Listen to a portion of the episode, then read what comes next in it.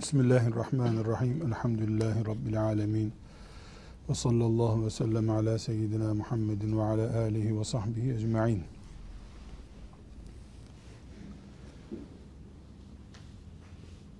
Kardeşler, kitabı veya yasası, tüzü, genelgesi okumakla başlayan ilk ve tek ümmetiz.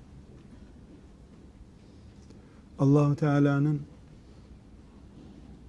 kıyamete kadar kalmak üzere seçtiği ve önceki bütün kitapları nesheden son muhkem kitabı Kur'an oku emriyle başladı.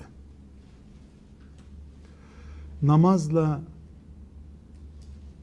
ikra oku kelimesi arasında 11 yıl var. Okuma fiiliyle cihat arasında 16 yıl var. Tesettürle okumak arasında 20 yıl var. Kur'an kronolojisine göre. Allah'ın yeryüzünde insan olarak yarattığı, şeriat, din gönderdiği hiçbir ümmetin kitabı okumak fiiliyle başlamıyor.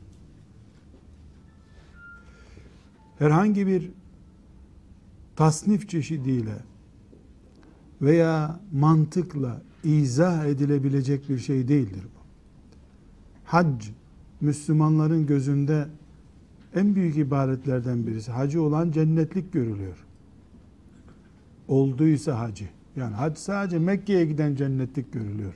Haccın Allah'ın kabul edip etmediğine dair kimsenin garantisi yok. Hacla ikra kelimesi arasında 22 yıl var. Hac ibadeti ikra'tan 22 yıl sonra indi. Allahu Teala 15 yıl ikra fiiliyle Müslümanlara okumayı emrettikten sonra içki yasaklandı. Kumar yasaklandı. 15 yıl okuma eylemi yapanlar size şeytanın pisliği olan bu şeylerden uzak durun diyoruz şeklindeki ayet inince peki ya Rabbi dediler ümmetimiz kadar okumakla dini ve resmi bağı olan hiçbir ulus bulunamaz. Bulunmaması gerekir.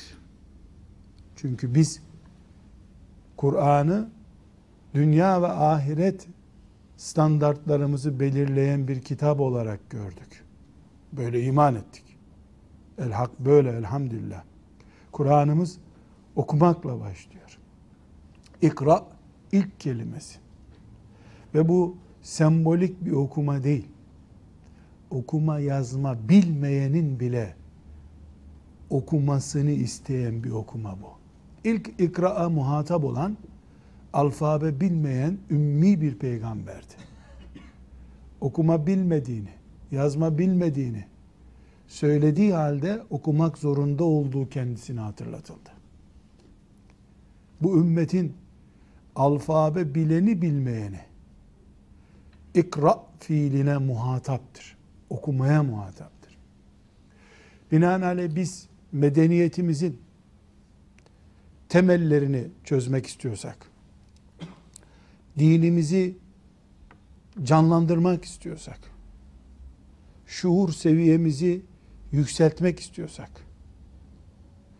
mağaralara kapanacak hale geldiysek, şehirler bizi bunalttıysa ve bunaldığımız için bir mağarada inzivaya çekilme seviyesinde bunaldıysak biz ikra ile başlaması gereken bir süreçteyiz demektir.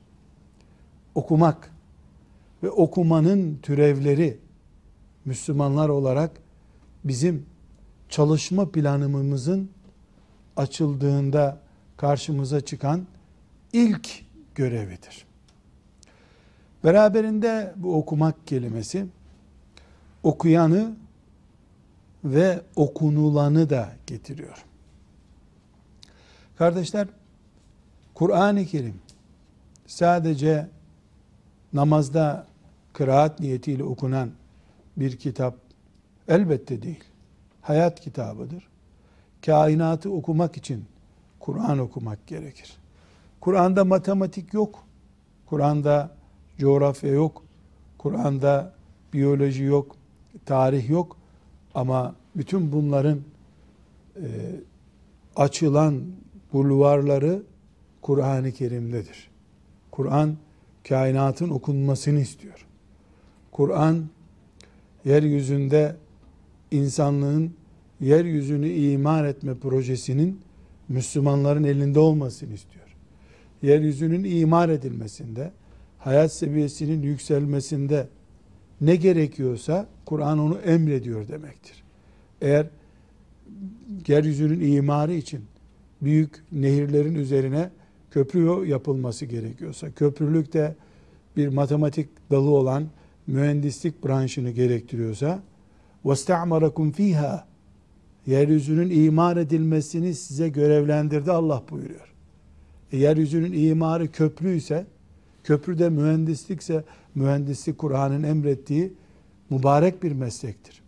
Eğer Kur'an bir insanın ölümden kurtulmasına vesile olan, bir insanın yaşamasına vesile olan bütün insanlığı yaşatmış gibidir.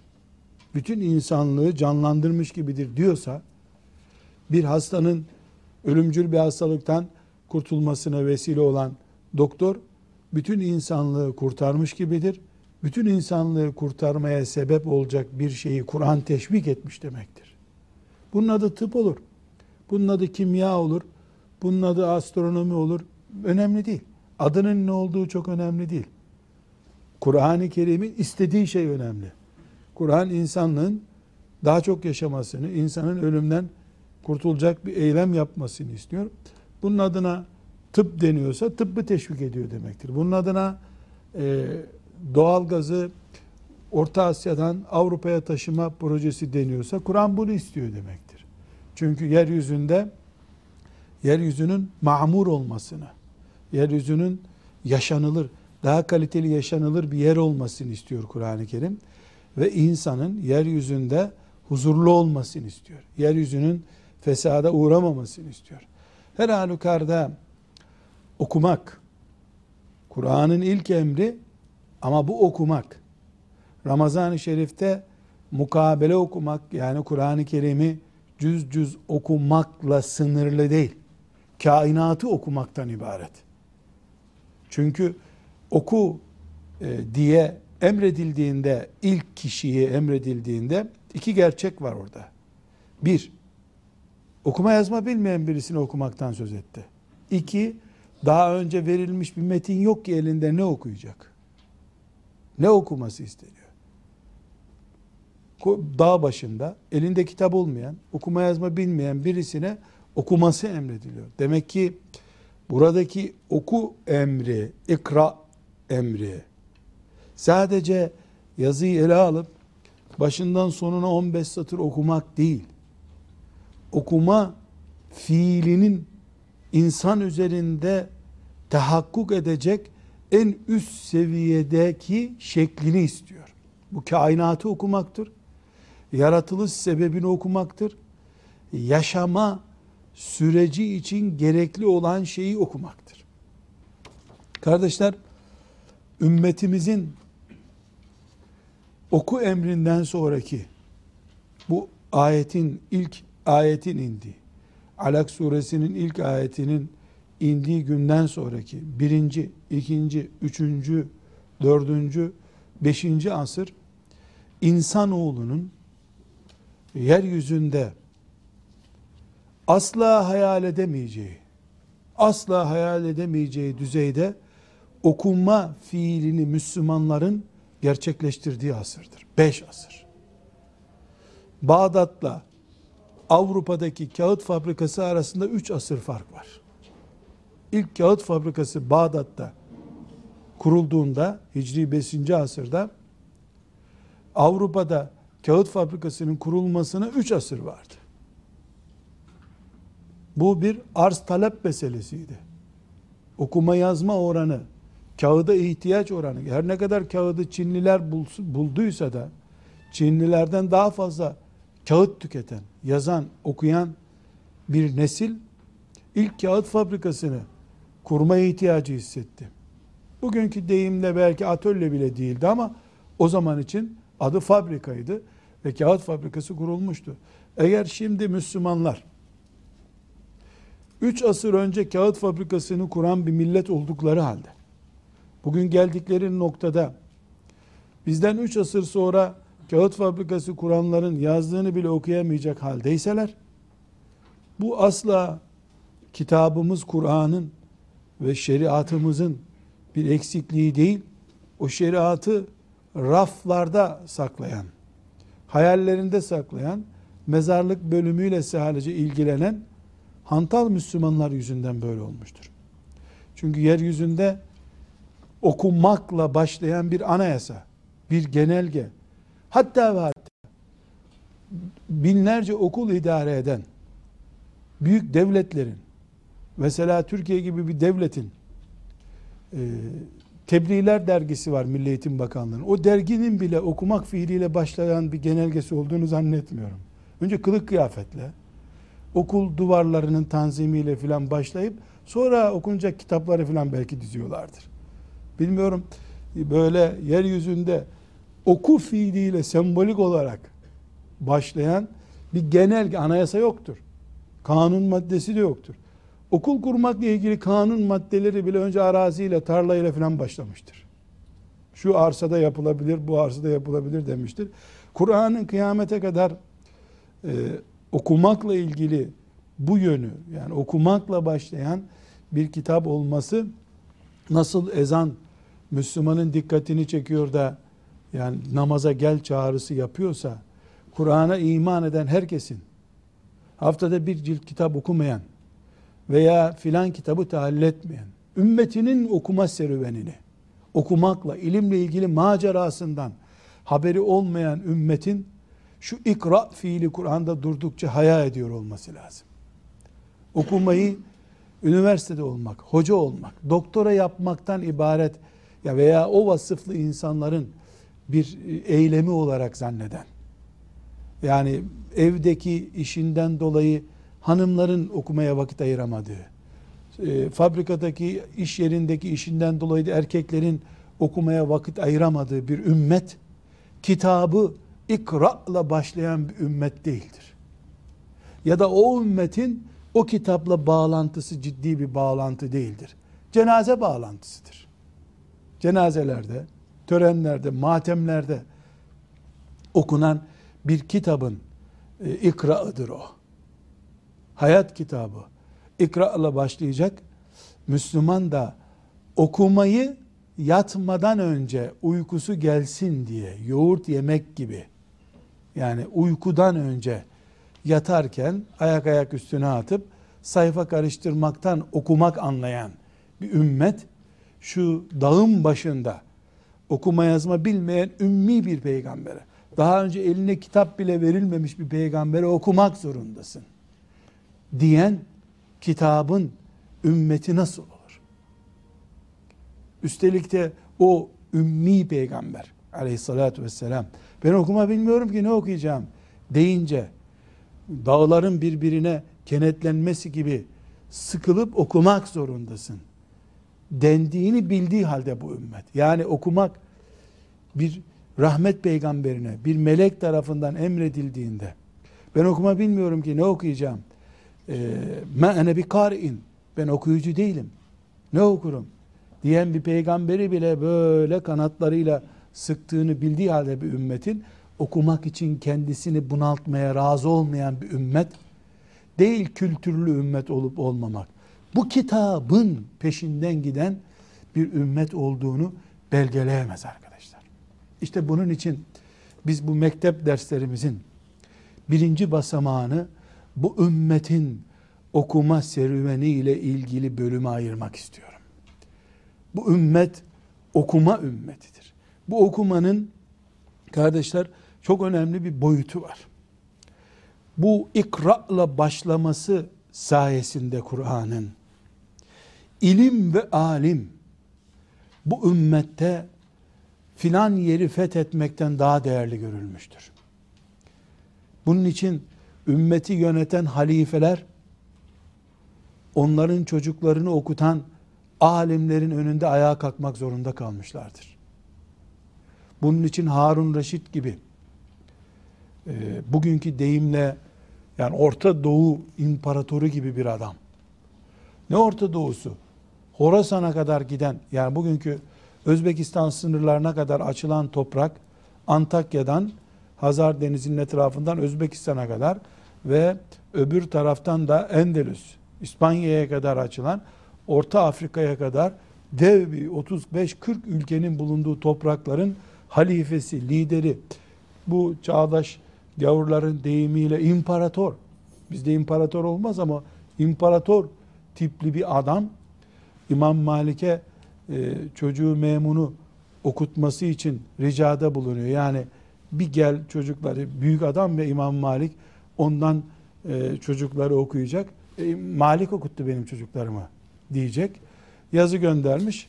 E, Bağdat'a teşrifinizi rica ediyorum diye. Aynı kağıdın arkasını çevirmiş. Hizmetçisine demiş yaz demiş. El ilmu yu'ta ileyhi ve la ye'ti ahaden demiş. Aynı kağıdın arkasına yazmak küfreder gibi bir hakaret bir defa. Sen Medine'de ders okutan bir hocasın nihayetinde. Beyefendi ilme gidilir, ilim kimseye gelmez demiş. Ondan sonra da kırbaçlanmamış bu adam. Zincire vurulmamış. Tayini çıkmamış. Peki efendim deyip talebeleri atın üstüne koyup Medine'ye göndermiş Bağdat'tan. Neden? Çünkü Malik bin Enes rahmetullahi aleyh ikra talimatı ile başlayan medresenin talebesi. Alim. Alim. Alim askerden güçlü. Alim kimsenin maaşına tenezzül etmeyen birisi. Bilhassa 3. asrın sonuna kadar. Alim kelimenin tam anlamıyla alim. Ahmet bin Hanbel rahmetullahi aleyh Malik'ten sonraki kadrodan alim kelimesinin tam anlamıyla hak edildiği, içinin doldurulduğu bir insan. Neden Memun, e, Malik'in talebesi Memun, Ahmet bin Hanbel'den ısrarla bir kelime için evet demesini istedi. Demezsen deme lan, alim yok piyasada diyemedi. Neden? Çünkü Ahmet bin Hanbel alim, alim biri, muhaddis alim, takva bir adam. Onun evet demediği bir şeyi koca Bağdat İmparatoru Memun Müslüman kitlelere kabul ettiremeyeceğini adı gibi biliyordu. Nitekim kabul ettiremedi. Ahmet bin Hanbel'i kırbaçladı. Zindanlara attırdı. Ya Kur'an mahluktur de kurtul dedi. Evet diyecek. O da kurtulacak. Devlet de huzur bulacak demedi. Eğer Ahmet bin Hanbel böyle bir şey yapsaydı. Doğru bu da olabilir. Ya da ben karışmıyorum. Tarafsızım. Ben bu karara katılmıyorum gibi bugünkü çağdaş deyimimizde yani sessiz kalsaydı o zaman memun Müslüman bir devletin başı olarak Kur'an mahluktur arkadaşlar diye bir slogan üretecekti. Bunun altına imza atacaktı. Müslümanlar da belki şimdi biz Kur'an mahluktur. İşte herhangi bir kitap gibidir. Şu suresini çıkaralım, bu suresini koyalım deme cüreti gösterecektik.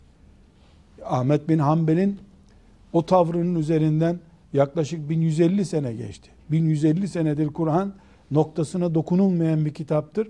Ahmet bin Hanbel'in bir saatlik e, gevşekliğine rastlanılmadığı için. Ama burada asas vurgulamak istediğim Memun Bizans imparatoruna tehdit gönderdiğinde Bizans imparatorunun huzuru kaçıyordu. Dünyanın en büyük devletinin başında duruyor. Ama bir genelgeyi bu güçle yaşadığı halde bir tek genelgesini halka kabul ettiremedi. Neden? Ahmet bin Hanbel'in kabul etmediğini sen devlet başkanı da olsan, bütün Müslümanları öldürsen de kabul ettiremiyorsun. Alim. Görüyoruz ki alim e, o sarığının altındaki kafayı Allah'a teslim ettiği zaman yani bezle çevirdiği sarığın içindeki beyni takva ile çevrili olduğu zaman askerden güçlü, siyasetçiden çok daha fazla güçlü, halkın önünde önder, tam anlamıyla peygamber vekili. Dolayısıyla bu ümmet alimlerini bulduğu zaman peygamberinin peşinde aşk ile İslam'ı ayağa kaldıran ashab-ı kiramın yaptığını yapıyor. Alimleri sulandığı zaman, alimlerini kaybettiği zaman ya da alimler taşıdıkları sarığın ve heybetin hakkını veremedikleri zaman da bu ümmet alimlerinden beter oluyor. Alimler o beter ümmeti üretiyor. O beter ümmette o alimleri üretiyor. Bunun için bu ümmet peygamberin vekili olan alimleri ayağa kaldırdığı zaman ya da öyle alimler yetiştirdiği zaman o dağın başındaki ikra fiilini, oku emrini canlandırmış demektir. Bu canlılıkla beraber ümmet o zaman yalın ayak bile Rüstem'in karşısına çıkıp defol buraları biz fethetmek için geldik diyecek cürete sahip olur. Ama Rüstem'in, deli Rüstem'in karşısına o yalın ayak, elinde mızrak bile olmadan çıkma cüreti gösteren Riblilerin yerini şimdi ne aldı? Devlet memurunun bile karşısına çıkmaya korkan, hakkı olan, kanunen hakkı olan bir şeyi bile dilekçe verip istemekten çekinen bir nesil nereden geldi? Çünkü ümmetin önünde alimler yok. Ahmet bin Hanbeliler yok. Malik bin Enesler yok. Ebu Hanifeler yok. Yani yine Ebu Hanife'yi de rahmetullahi aleyh rahmete vesile olması ve en güzel örneklerden biri olması olarak e, anmak istiyorum. Ebu Hanife rahmetullahi aleyh zindanda niye öldü? Başkadılık yani bugünkü Yargıtay Başkanlığı görevini kabul etmediği için. Var mı şu dünyada e, makam arabası olan, yüzlerce koruması olan bir makamı teklif ediyorsun? Yani o sana binlerce rüşvet teklifi göndermiyor da sen yalvarıyorsun devlet başkanı olarak bu göreve gel. Nazlanıyor. Hayır nazlanmıyor. Tenezzül etmem diyor. Hayır tenezzül etmem de demiyor. Senin makamın makamında durduğun sürece ben orada imza atmam diyor. Hakaret ediyor sana. Var mı dünyada böyle bir şey? Yüzlerce yolsuzluğu çıkanlar bile o makamdan bırakıp gitmiyorlar. Son nefesimi burada vereyim diye. Öldüreceklerse burada beni öldürsünler diye. Peki o adam ona niye yalvarıyor? Fıkıh bilen mi yok? Ebu Hanife'nin kendisi yoksa yüzlerce talebesi var. Ebu Hanife'nin emsali camilerde kaynıyor zaten. Ebu Hanife'nin hocaları var bir defa. Yani Ebu Hanife'den güçler var. Tabiinden yaşayanlar var. Yani getir o makama oturt. Resulullah'ın aleyhissalatü vesselam ashabının talebelerinden birini getirdiğinde forsun olsun. Ama Ebu Hanife alim. O senin yargında onay makamında durmadığı sürece senin adaletine inanmıyor Müslümanlar. Bu Ebu Hanife'nin gücü değil. Ebu Hanife'nin sarığının gücü bu. İlminin gücü. Heybetinin gücü. Alim bu. Biz alimin bu konjektürel durumunu tanımayan bir nesil olduğumuz için bize bunlar hayali geliyor. Yani bir alim nasıl halifenin yazısının arkasına yazı yazar da hakaret eder geri gönderir. Hiç mi korkmuyor bu adam? Tayin derdi yok mu? Sürgün derdi yok mu?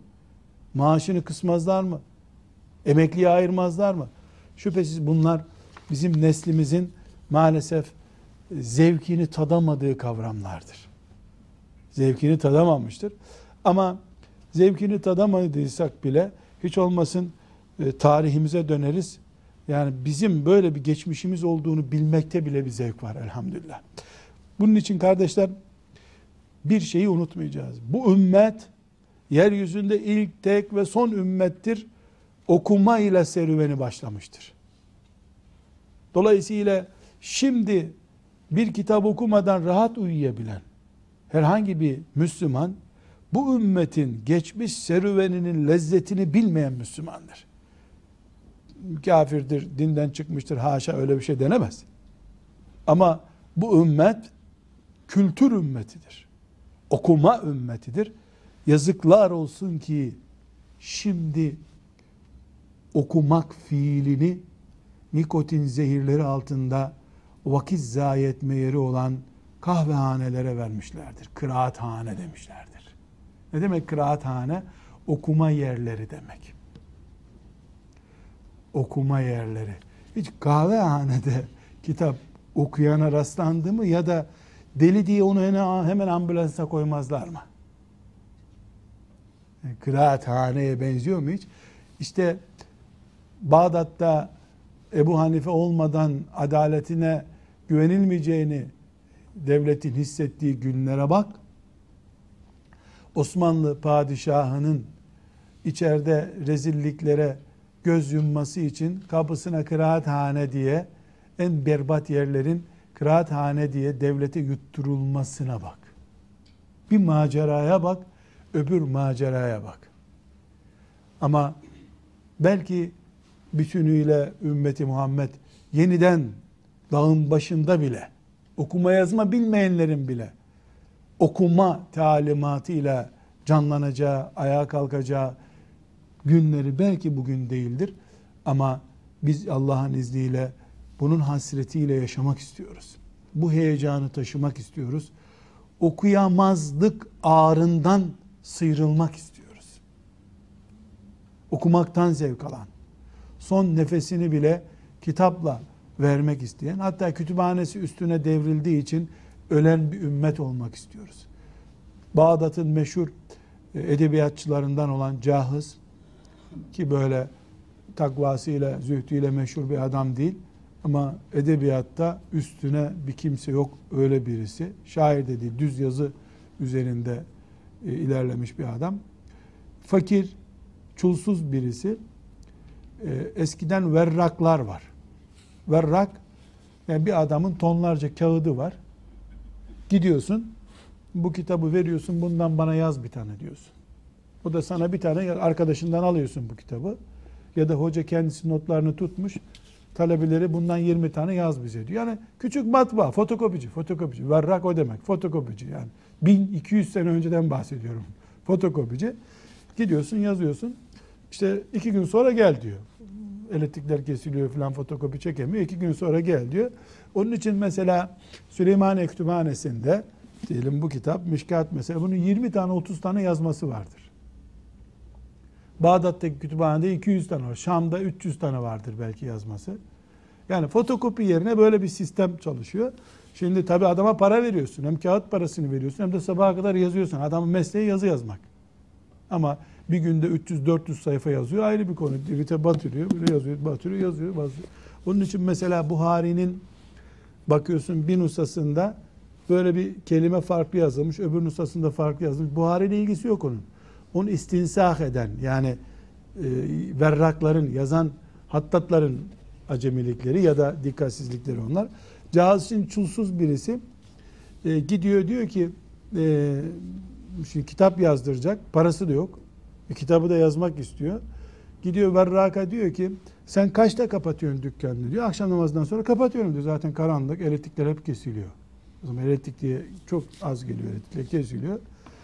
Sen diyor bu kapıyı dışarıdan kapat beni içeride bıraksana diyor.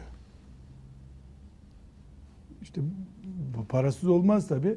İşte 10 kitap yazdırsa 10 kuruş verecek. Ben sana bir kuruş vereyim beni içeride bırak diyor. Millet yazmaya kitap getiriyor ya o gün. Fotokopi çektirmek için. Türkçeleştireyim onu. Sabaha kadar milletin o kitaplarını okuyor kandil ışığı altında. Korsan kitap okuyor. Bir günde verrak gelmiş açmış dükkanı. Bütün kitaplar üstüne devrilmiş ölmüş adam meğer ki. Kitap kitabın öldürdüğü adam. Kitap çarpmış adamı yani. Tamam. Kitap çarpsın diyorlar ya kitap çarpmış adamı ölmüş. Yani bu ümmetin şerefi bu. Yani üzerine kitaplar devrildiği için ölen insanlarımız olmuş bizim. Farklı e, örnekler inşallah vereceğim. Okumaya, yazmaya, kitaba aşık bir ümmetiz biz. Ve bu sadece Kur'an değil. Memun denen adam yani Müslüman birisi, mücahit birisi ama Ahmet bin Hanbel'e çok işkence yaptığı için kolay kolay insan rahmetli anası gelmiyor ama Müslüman bir adam. Zalim bir Müslüman işte. Ee, Yunanistan'daki felsefe, mantık ve matematik kitaplarını tercüme edenlerin tercümesini altınla tartıp vermiş. Yani matematikle ilgili bir kitap getiriyorsun. Ben bunu tercüme ettim Yunancadan diyorsun. Bunu terazinin bir tarafına koyuyor, bir tarafına altın koyuyor veriyor sana. Hicretin ikinci asrından sonra Bağdat Yunan çöplüğüne dönmüş. Yunanistan'da, İtalya'da, Avrupa'da e, ne kadar matematik bilen, okuma yazma bilen varsa Bağdat'a çullanmışlar. Yani Müslümanlar azınlık kalmaya başlamış. Nereye geliyor adam? İlim altınla tartılıyor çünkü. O zaman da ilmin Bağdat'ta altınla tartıldığı dönemde e, Yunanistan ve bütün Avrupa'da e, matematikle ilgili bir şeyi papazlara ters söylediği için insanlar giyotine götürülüyordu.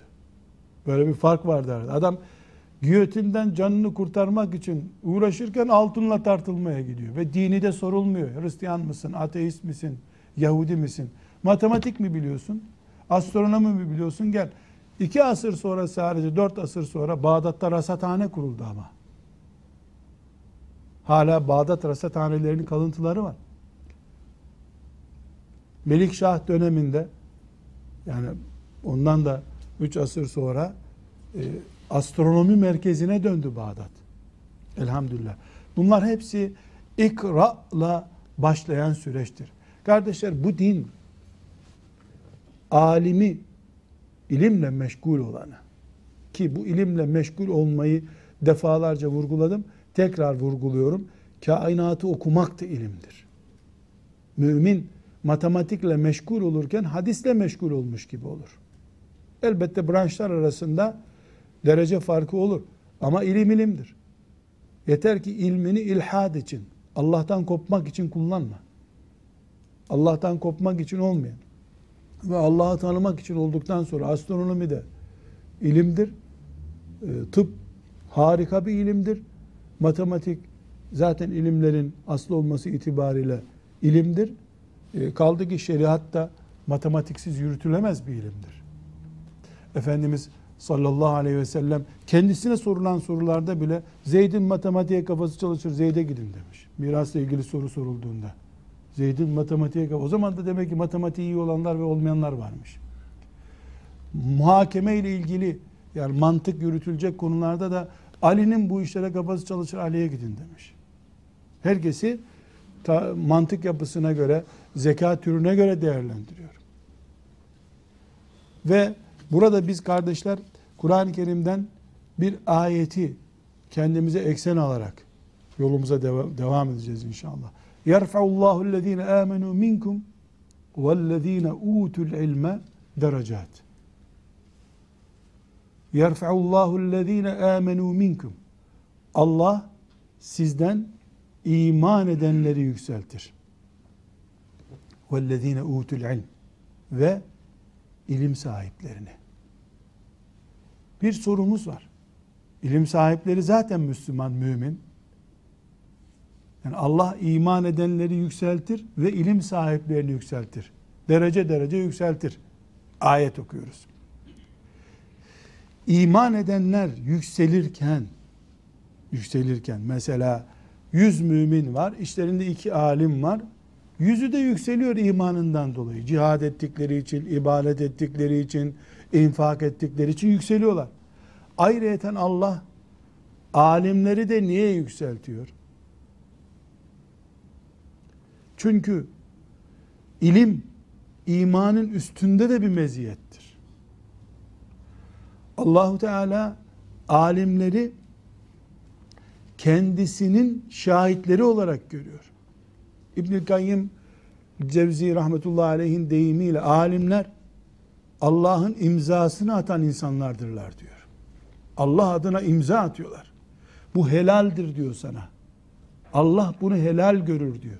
Bu haramdır diyor. Allah adına sana haram diyor. İmzayı Allah adına atıyor. Dolayısıyla alim her ne kadar iki ayağı üstünde yürüyen, her ne kadar eliyle yazan, diliyle konuşan bir insansa da Peygamber aleyhisselamın makamını temsil ettiği için şeriatın dili hükmündedir. Şeriatın, İslam'ın dilidir alim. Bu alimi sen herhangi bir şekilde senin bursuna muhtaç, sadakana muhtaç biri olarak göremezsin. Sadakanı vermek zorunda olduğun, kapısında nöbet beklemek zorunda olduğun Allah'ın adına sana imza atan, görevli olarak görmen gerekiyor. Bunun için Allah müminlerden söz ediyor. Müminlerden bir kitleyi temsil ettikleri halde alimler diye bir gruptan tekrar söz ediyor. Yerfa'ullahu ellezine amenu minkum vellezine utul ilme derecat. Sizden Allah mümin kullarını yükselttiği gibi alimleri de onların içinden farklı bir kitle olarak yükseltiyor. Bu sebeple kardeşler bu ümmet alimlerini Allah'ın yaptığı gibi farklı gören bir ümmetti. İbn Abbas radıyallahu anhuma bu ümmetin en büyük alimlerinden biri. Ama Zeyd bin Sabit radıyallahu anh ondan daha yaşça büyük, 2-3 yaş daha büyük. Efendimiz sallallahu aleyhi ve sellem daha çok irtibat kurmuş ve Efendimizin ilmine hürmet ettiği bir ve bildiğiniz gibi Kur'an'ı cem eden sahabi. Kur'an'ı bir araya toplayan komisyonun başı. Yani Ebu Bekir'le Ömer'in, Ali'nin, Osman'ın, e, Abdurrahman'ın ve aşire-i mübeşşerenin tamamının sağ olduğu bir dönemde Kur'an konusunda en yüksek ilme sahip kimse olarak tespit edilip 22 yaşında olduğu halde hatta 21'ini bitirmemiş o dönemde 22'ye yeni girecek Kur'an'ı cem etmekle ilgili komisyonun başına getirmiş onu Ebu Bekir. Ben çocukum ne yapıyorsunuz diye itiraz edince de biz Ömer'le görüştük senden alemini tespit edemedik demişler. Böyle bir ilim sahibi bir zat. 11 yaşında Efendimiz sallallahu aleyhi ve sellemi e, Medine'de görmüş. 11 yaşında Müslüman oluyor. 11 yaşından itibaren kendisini ilme alıyor. Bir gün e, atına binmeye çalışıyor Zeyd radıyallahu anh. İbn Abbas da oradan geçiyor. Yani atın üzengisine basıyorsun, sıçrıyorsun. E, büyük ihtimalle Zeyd herhalde yorgun neyse bir sıçrayışta sıçrayamamış atına.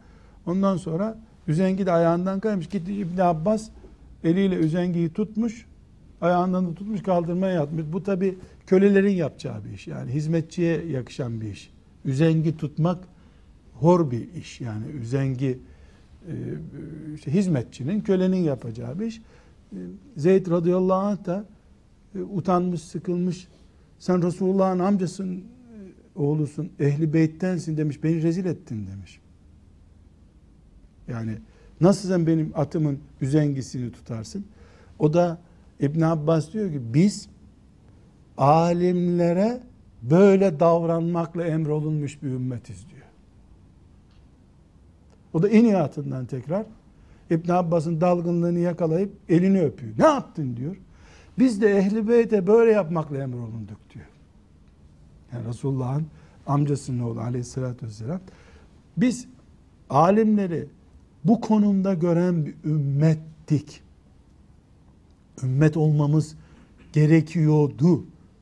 Resulullah sallallahu aleyhi ve sellem kendisi var olduğu halde Ali'nin fıkıh gücünü itiraf etmiş.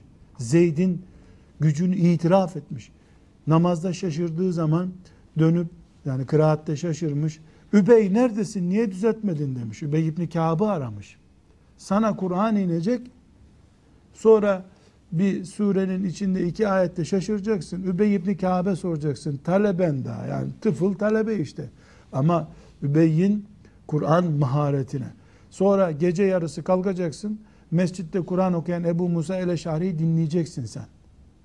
O güzel Kur'an okuyor. Sesi güzel olanın güzel sesini takdir etmiş. Ezber gücü yüksek olanın ezberini takdir etmiş matematik zekası üstün olan Zeyd'i matematik zekasıyla takdir etmiş. Peygamber olduğu halde, Kur'an ona indiği halde hepiniz benim talebemsiniz arkamdan dolaşın dememiş.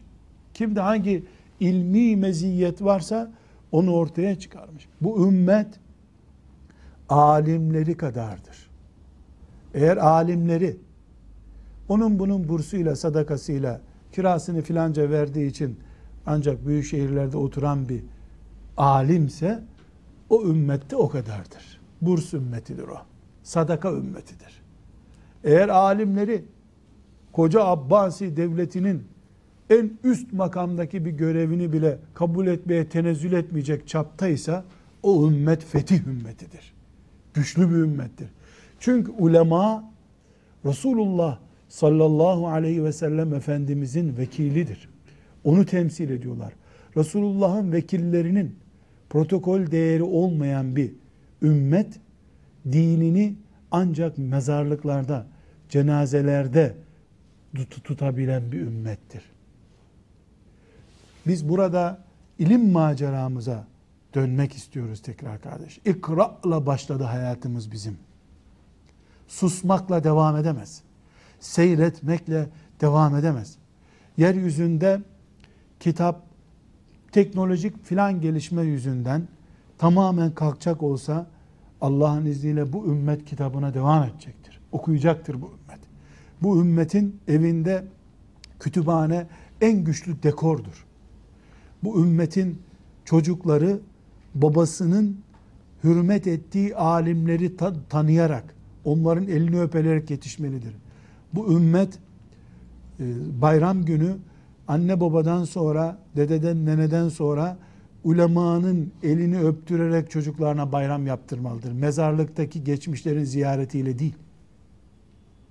Ama mezardaki ölülerin ziyareti alimlerin ziyaretinden daha değerli hale geldiyse bu ümmet o zaman çok şey kaybetmiş demektir. Dağ başında ümmi bir peygambere bile okumayı emreden bir kitap bir meleğin peşinden gidilmiyor demektir. Kardeşler biz alim kelimesinin açılımını yapacağız. İlk alim, ilk okuma emrine muhatap olan Resulullah sallallahu aleyhi ve sellem'dir şüphesiz. İlk alim odur. Onun peşinden ashab-ı kiramın geldiğini de biliyoruz. Ashab-ı kiram da onun peşinden geldiler. Tabi'in nesli onun peşinden geldiler.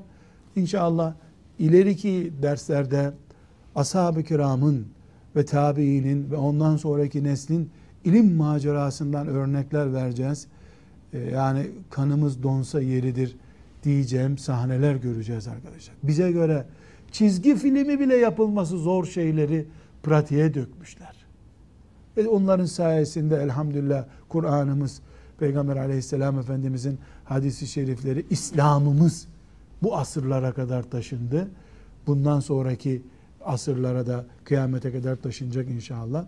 Tabi'in neslinden sonra da dört büyük imamın da içinde bulunduğu imamlar dönemi geldi. Tabi'in nesli o çalışma, gayret, himmet sayesinde imamlar kadrosu yetiştirdiler. İmam kelimesiyle arkadaşlar Ebu Hanife'yi kastediyorum. Ee, Muhammed bin İdris Eşşafii'yi kastediyorum. Malik bin Enes'i kastediyorum. Ahmet bin Hanbel'i kastediyorum. Durmuyorum yalnız. Şunu adımız gibi bilelim. Ahmet bin Hanbel, Malik bin Enes, Muhammed bin İdris ve Ebu Hanife döneminde onların ayarında belki onlardan da büyük en az 300 kişi var. En az 300 kişi var. Ebu Hanife'nin böyle bir puan gerisinde olmayacak. Malik bin Enes'in bir puan gerisinde kalmayacak. Bir Süfyan-ı Sevriler var ki kaç Ebu Hanife edeceğini Allah'tan başkası bilmez. Lakin Allah'ın hikmeti bu dört insanı Allah kıyamete kadar canlı tutmuş. Onların ilimleri de bu imamların talebelerinin kitapları arasında kalmış. Onları da bize ulaştıran Ebu Hanife'nin talebeleridir hep. Bir bakıyoruz ki Muhammed bin İdris Eşşafii rahmetullahi aleyhin talebelerinin kitaplarında hocasının ayarındaki insanlardan söz ediliyor. Ama hikmetiyle Allah böyle murad etmiş. Müslümanlar dört büyük alimden dinlerini kıyamete kadar öğrensin demiş. Bunlara imamlar deniyor. İmamlar dönemi bu dönem. Bu imamlar döneminde onlarca değil, yüzlerce büyük imam var. Yani her biri Allah'ın ve peygamberinin ne dediğini anlayan işte bir Ebu Hanife her biri. Her biri bir Malik bin Enes rahmetullahi aleyhim cemiyan. Fakat bize e, maalesef dört tanesinin ismi geldi. Maalesef diyorum Allah'ın hikmetine müdahale manasında değil ama 8 tane gelseydi ilim dünyamız iki kat daha büyük olacaktı. Belki. Fakat her şeyde Allah'ın murad ettiğinde hayır vardır. Allah dört tanesinde e, hayır gördü ki bize dört tanesi ulaştı. Elhamdülillah. Bu dördü sayesinde de İslam böyle kıyamete kadar tek bir harfi bile zarar görmeden, eksilmeden, fazlalaşmadan gidiyor elhamdülillah. Bu imamlar dönemi arkadaşlar Peygamber aleyhisselam efendimizden sonra 3. asrın sonlarına, 4. asrın ortalarına kadar yani 300 350'lere kadar devam etti. Ebu Yusufların dönemi, Ebu Yusufların talebelerinin dönemi. Ondan sonra imamlık bitti. Ee, yani müezzinlik dönemi başladı diyeyim. Müezzin düzeyine düştü imamlar. O büyük dev kadro kadılık görevini reddedecek. Tenezzül etmeyecek. Baş kadılığa tenezzül etmeyecek. Ee, halifenin yanında altın kaplama kadife koltuklarda oturmaya tenezzül etmeyecek ulema, imam yani Resulullah'ın vekili çapında büyük imam kadrosu maalesef azaldı ama e, tamamen kökü kurumadı. Elhamdülillah her asırda Allah bir yiğidini çıkardı. Kendisini Kur'an'a ve sünnete, fıkha adamış, Allah'ın şeriatının canlı kalması için uğraşan bir kadroyu Allah her asırda çıkardı. Fakat bize e, kadar gelen isimler e, ilk imamlar dönemi gibi bol değil. Filan Hindistan'da filan zatın çok büyük hizmetler yaptığını görüyoruz. İşte Mısır'da filan zatın hizmetler yaptığını görüyoruz. Ama e, tek tük düzeyine düşmüş bir ulema kadrosu var. Bu da bir ihtiyaç arz talep meselesi. Neden? Daha sonra örnekler vereceğim arkadaşlar. İnsanlar evini, üstündeki elbisesini satıp İmam Malik'ten ders okumaya gitmişler. Hatta e, örnek olarak zikredeyim, onunla da dersimizi bitirelim. Yani benim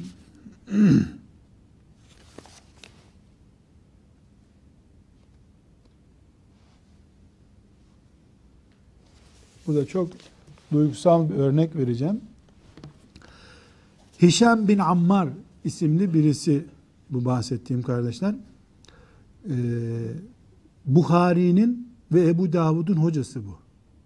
İmam Bukhari'nin ve İmam Ebu Davud'un sünen sahiplerinin hocası Suriye'de Şam'da yaşamış. Adı Şam hafızı. Hadis ilminde hafız yaklaşık 10 bin hadisi senetleriyle bilen insana deniyor.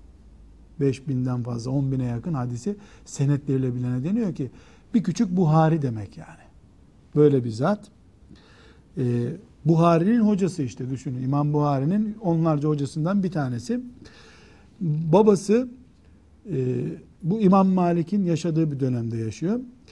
E, babası buna e, harçlık olarak verecek bir şey bulamamış. Tutmuş evini satmış adam. Evini de 20 e, dinar işte ne kadar yapıyorsa o zaman satmış. Bir hac zamanı bunu yola koymuş. Bu Medine-i Münevvere'ye gitmiş. Medine'ye gidince İmam Malik'in e, ders yaptığı yeri bulmuş. E, ve notlar tutmuş kendine göre İmam Malik'e soracak. Selamun aleyküm aleyküm selam e, İmam Malik'in önüne otur oturmaz işte hocam diye lafa başlamış. Ben birkaç soru soracağım diye. Ee, İmam Malik bakmış böyle terbiyesizce birisi önünde konuşuyor. Çok sert bir mizaca sahip İmam Malik rahmetullah. Ebu Hanife talebesi konuşunca onun sözünü kesmeyen biri. İmam Malik de talebesi konuşunca tokatlayan biri. Böyle acayip bir iki mizaç arasında çok fark var. Onun için İmam Malik'in fıkhını 2-3 müştehit talebesi aktarmış. Ebu Hanife'nin en az 300 tane müştehit talebesi var. Böyle acı Allah'ın hikmeti. Şimdi e, bu konuşmaya başlamış. İmam Malik dönmüş bakmış birisi konuşuyor. Hizmetçisini çağırmış. Bu terbiyesiz 15 sopa vur demiş. O da gitmiş böyle tak tak elindeki işte neyse misvakla vurmuş. Yani terbiyesizlik yapma demeye getirmişler. Ee, Ondan sonra bu da demiş ki e, sen bana vurdun demiş zulmettin bana demiş. Zulüm deyince peygamberin vekili bir imam donmuş kalmış. Ben sana ne zulmettim? Terbiyesizlik ettin, ceza verdim sana demiş. Babam demiş tek varlığımız olan evini sattı 20 dinara. Senden hadis okumak için geldi. Sen bana 15 sopa vurdun demiş. Ben ne bileyim senin önünde nasıl oturuluyordu. O zaman da 14 yaşlarında bu. Bu da çocuk. İmam Malik o zaman demiş gel sen de intikamımı al. Ben sana vurmak için vurmadım demiş. Terbiye gösterdim sana.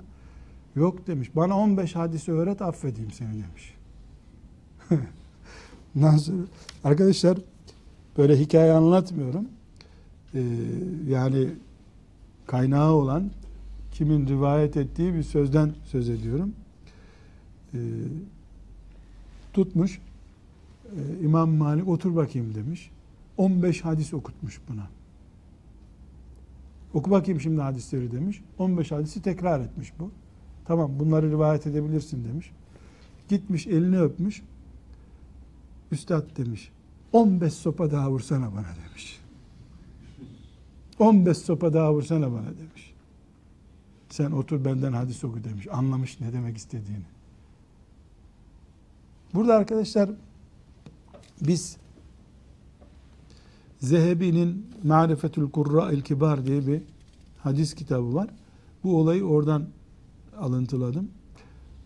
Allah bunlara rahmet eylesin. Yani ilim için sopa yemeye razı oluyor. Belki de e, her sopa karşılığı bir hadis deseydi İmam Malik itiraz etmeyecekti. Ama ne oldu sonra? Biz İmam Bukhari diye birini biliyoruz. İmam Bukhari bunun önüne diz çökmüş meğer ki. Bakıyoruz ki İmam Bukhari'nin hocası olmuş.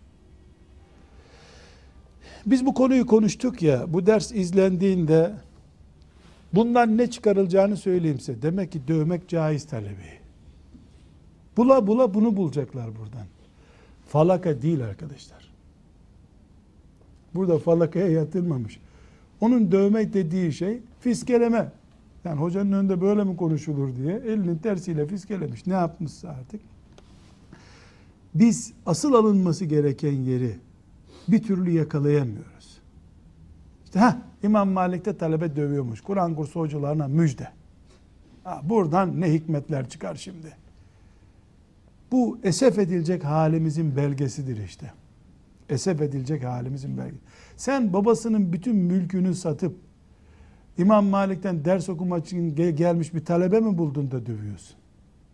Neyi neye kıyas ediyorsun? Burada asıl mesele bir.